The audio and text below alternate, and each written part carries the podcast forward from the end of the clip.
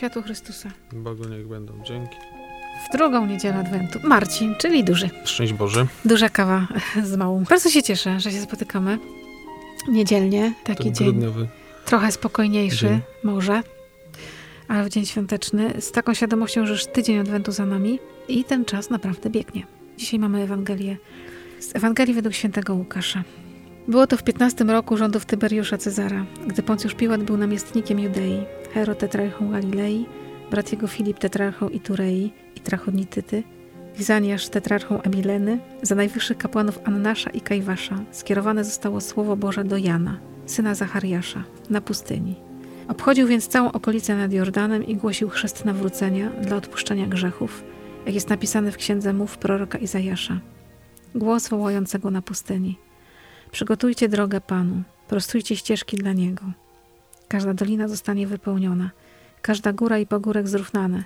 Drogi kręte staną się prostymi, a wyboiste drogami gładkimi. I wszyscy ludzie ujrzą zbawienie Boże.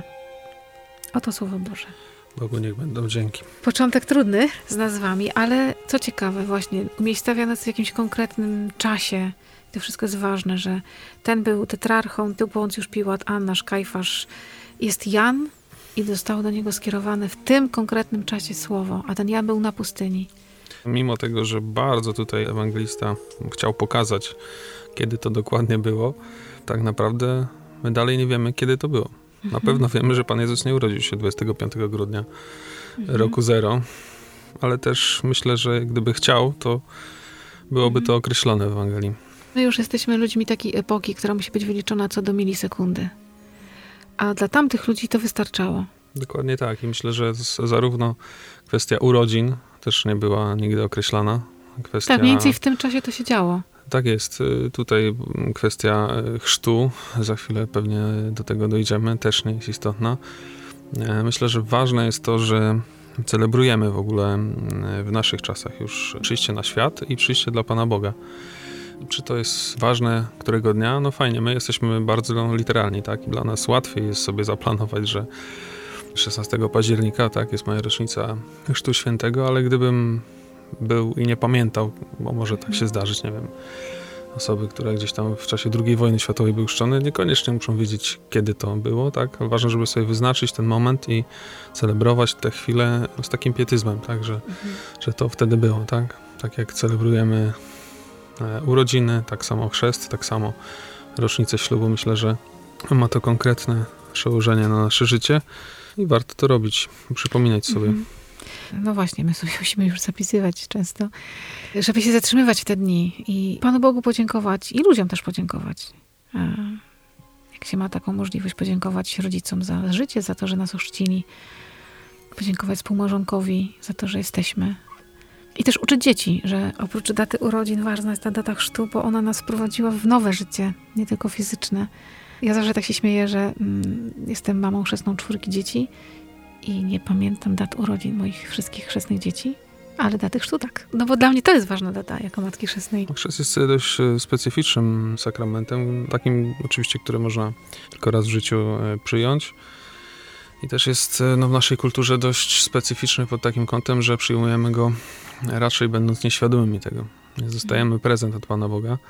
Fajnie, jak w naszym życiu są jakieś takie momenty zwrotne i czasami ludzie, którzy tego doświadczyli, takiego bezpośredniego nawrócenia, e, mogą o tym zaświadczyć i powiedzieć, że tak jest.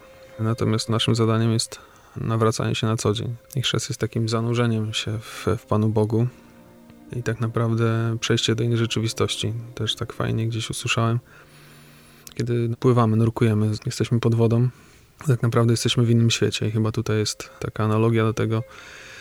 Zanurzamy się w Panu Bogu w inny świat, w nim żyjemy. I to może oznaczać, że czasami będziemy dokonywać przedziwnych wyborów. Bo myślę sobie o tym Janie Chrzcicielu, wiesz, i jest to dziecko cudu. Dziecko obiecane przez Boga, dziecko zwiastowane, dziecko wyczekane, wymodlone, z zapowiedzi takiej, że będzie wielki, że będzie wielką radością dla Izraela. Przy całej świętości Elżbiety i Zachariasza, oni też mieli swoje jakieś wyobrażenia na temat swojego syna. Był synem Zachariasza kapłana, więc to było naturalne, że taka będzie jego kariera. Przejmie po ojcu, no tak wtedy było. Z pokolenia kapłańskiego wiadomo, że będzie kapłanem. będzie chodził do świątyni, będzie Bogu składał ofiary, będzie wielki. A on był na pustyni i dopiero na pustyni Bóg do niego przemówił. I myślę, że tak po ludzku to nie spełnił oczekiwań. I myślałam o tym, jak często ja mam oczekiwania względem ludzi. Może my mamy często oczekiwania względem dzieci, że one powinny jakieś być, a one są inne. I że czasami Pan Bóg prowadzi nas takimi drogami, że ludzie wokół stukają się w czoło i mówią, głupia jesteś. Co ty robisz, nie? Nie robisz jak wszyscy. Nie robisz według schematu. A Pan Bóg cię wyciąga na pustynię i ci przeznacza zupełnie inną rolę. I to chyba to, co mówisz o tym zanurzaniu się ciągle w Chrystusie, to jest ciągle takie przykładanie się do Jego miary, a nie do miary świata. To przechodzenie w inny świat, w Boży świat. To jest patrzenie na siebie, na swoje zadania, na swoje możliwości w świetle Chrystusa, a nie w moich kalkulacjach. Chyba ciągle przechodzimy z świata w świat i tak. Taka myśl jeszcze gdzieś tam chodzi za mną. Można też spojrzeć na tą relację Jana Chrzciciela i Pana Jezusa. To też jest ciekawe, że tak naprawdę oni i znali się, i się nie znali, tak? Mhm. Bo przed narodzeniem spędzili z sobą trochę czasu. Po narodzeniu nie wiadomo tak naprawdę, no, jak to relacje gdzieś... kuzynowskie się układały. Ale blisko nie było, to nie było odwiedziny co tydzień u ciotki Elki. No na pewno nie. Przyszedł moment, kiedy okazało się, że muszą, czy jest im to dane, nawiązać taką relację osobową i spotkali się specyficznym kontekście chrztu, o którym też dzisiaj rozmawiamy. Ta relacja zaczęła się układać i myślę, że w naszym życiu też jest to bardzo ważne, żebyśmy nie tyle postawili się w roli chrzciciela, ale jako ludzie doświadczyli Pana Jezusa w takim kontekście osoby, żeby zobaczyć, że Pan Bóg jest osobą, którą ma mieć mhm. relację. To nie jest y, bozinka, do której chodzę co niedzielę, żeby y, odpełnić rytuał, mhm. tylko chodzi o to, żeby nawiązać relacje, tak jak nawiązuje relacje z innymi ludźmi. Tutaj specyficzną, bo z Bogiem. Mhm. No właśnie, to nie jest opłateczek na ołtarzu, tylko jest żywy Bóg. I jeżeli w to uwierzymy, to nasze myślenie o Panu Bogu troszeczkę się zmieni. No, perspektywa się trochę zmieni, kiedy spotykam się z żywym Bogiem. Muszę też z nim być w takiej relacji, bo nie mogę o kimś powiedzieć, że jest moim przyjacielem, z kim się nie widziałem, z którym nie rozmawiałem Przyjaciółmi stajemy się wtedy, kiedy coś razem przeżywamy, ileś czasu ze sobą spędzamy, ileś godzin ze sobą przegadujemy. Nie znaczy, że zawsze się ze sobą zgadzamy. Tak jest. Bo mamy takie wyobrażenie o przyjaźni, że to jest taki błogostan i tak sobie wzajemnie kadzidła palimy. Dokładnie. A, a Jezus chce nas żywych i kiedy się z Nim nie zgadzam, to Jezus chce to usłyszeć. Bóg chce ze mną gadać. I słucham księdza Pawłkiewicza i on właśnie mówił o tym, że czasami Bóg robi nam taki zwrot w życiu. Wydarza się coś i nareszcie zaczynamy z nim gadać, bo się na niego wkurza. Mówimy, jak to Jezu? Czemu to zrobiłeś? I nareszcie możemy rozmawiać, nareszcie ci mogę powiedzieć coś, ci mogę ci posłuchać. Żeby ta relacja była, no, musi być modlitwa, musi być obecność, ale też taka nie schematyczna i rytualna, tylko taka żywa, wiadomo. Jako katolicy mamy swoje rytuały i to jest piękne, natomiast trzeba też w tym widzieć głębszy sens. No tak, ten rytuał ma mi pomagać. On jest środkiem, a nie celem. Celem jest spotkanie z Chrystusem, a te formy zewnętrzne pomagają mi, bo ja jestem po prostu człowiekiem. Ja potrzebuję jakiejś modlitwy mszy świętej, która ma swój rytm, która ma swój układ. Wchodzimy w jakąś przestrzeń, którą znam.